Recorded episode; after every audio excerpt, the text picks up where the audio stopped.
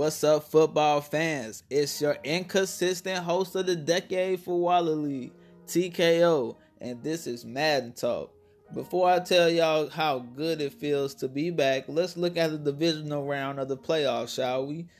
First, we got the Browns versus the Chiefs. You know the Browns used to be an ass user with a good team, but he has grown. He is now an ass user with a million dollar team. He had to beat the head of command with the equally worth million dollar team, the Chiefs.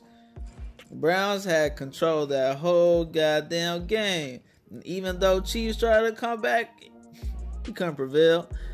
Maybe should have played better defense. You hear that, Chiefs? Better defense. That's so trash. Baker was never so perfect as he was today. 10 throw 8 out of 10 throws that he made completed for a collective 299 yards.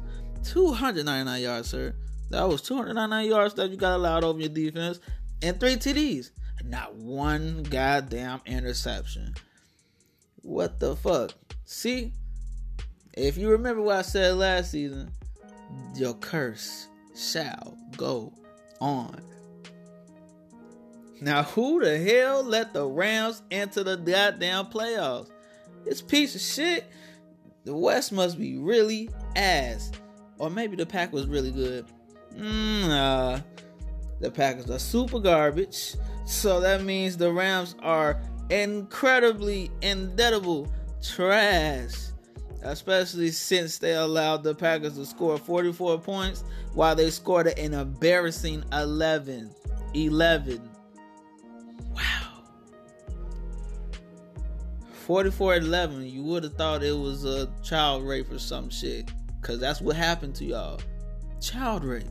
Y'all's children on the field and got fucking raped out of 44 points. Oh my fucking god. Don't ever come back to the playoffs looking like that again. I just want to cry. It made me mad with the score. Packers play average with Aaron Rodgers 7 for 14 with 226 yards and 2 TDs. The basic halfback that they got back there only went for 80, 80 yards and 2 TDs. It's trash and could not compare it to Josh Adams for the Bucks. But who's talking right now?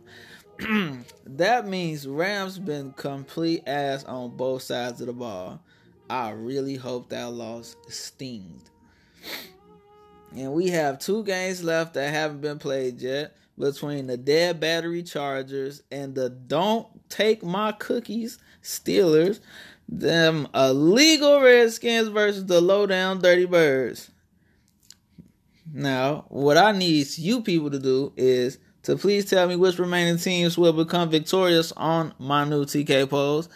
I inspire you to play on that. You get awards just for kicking the right answer.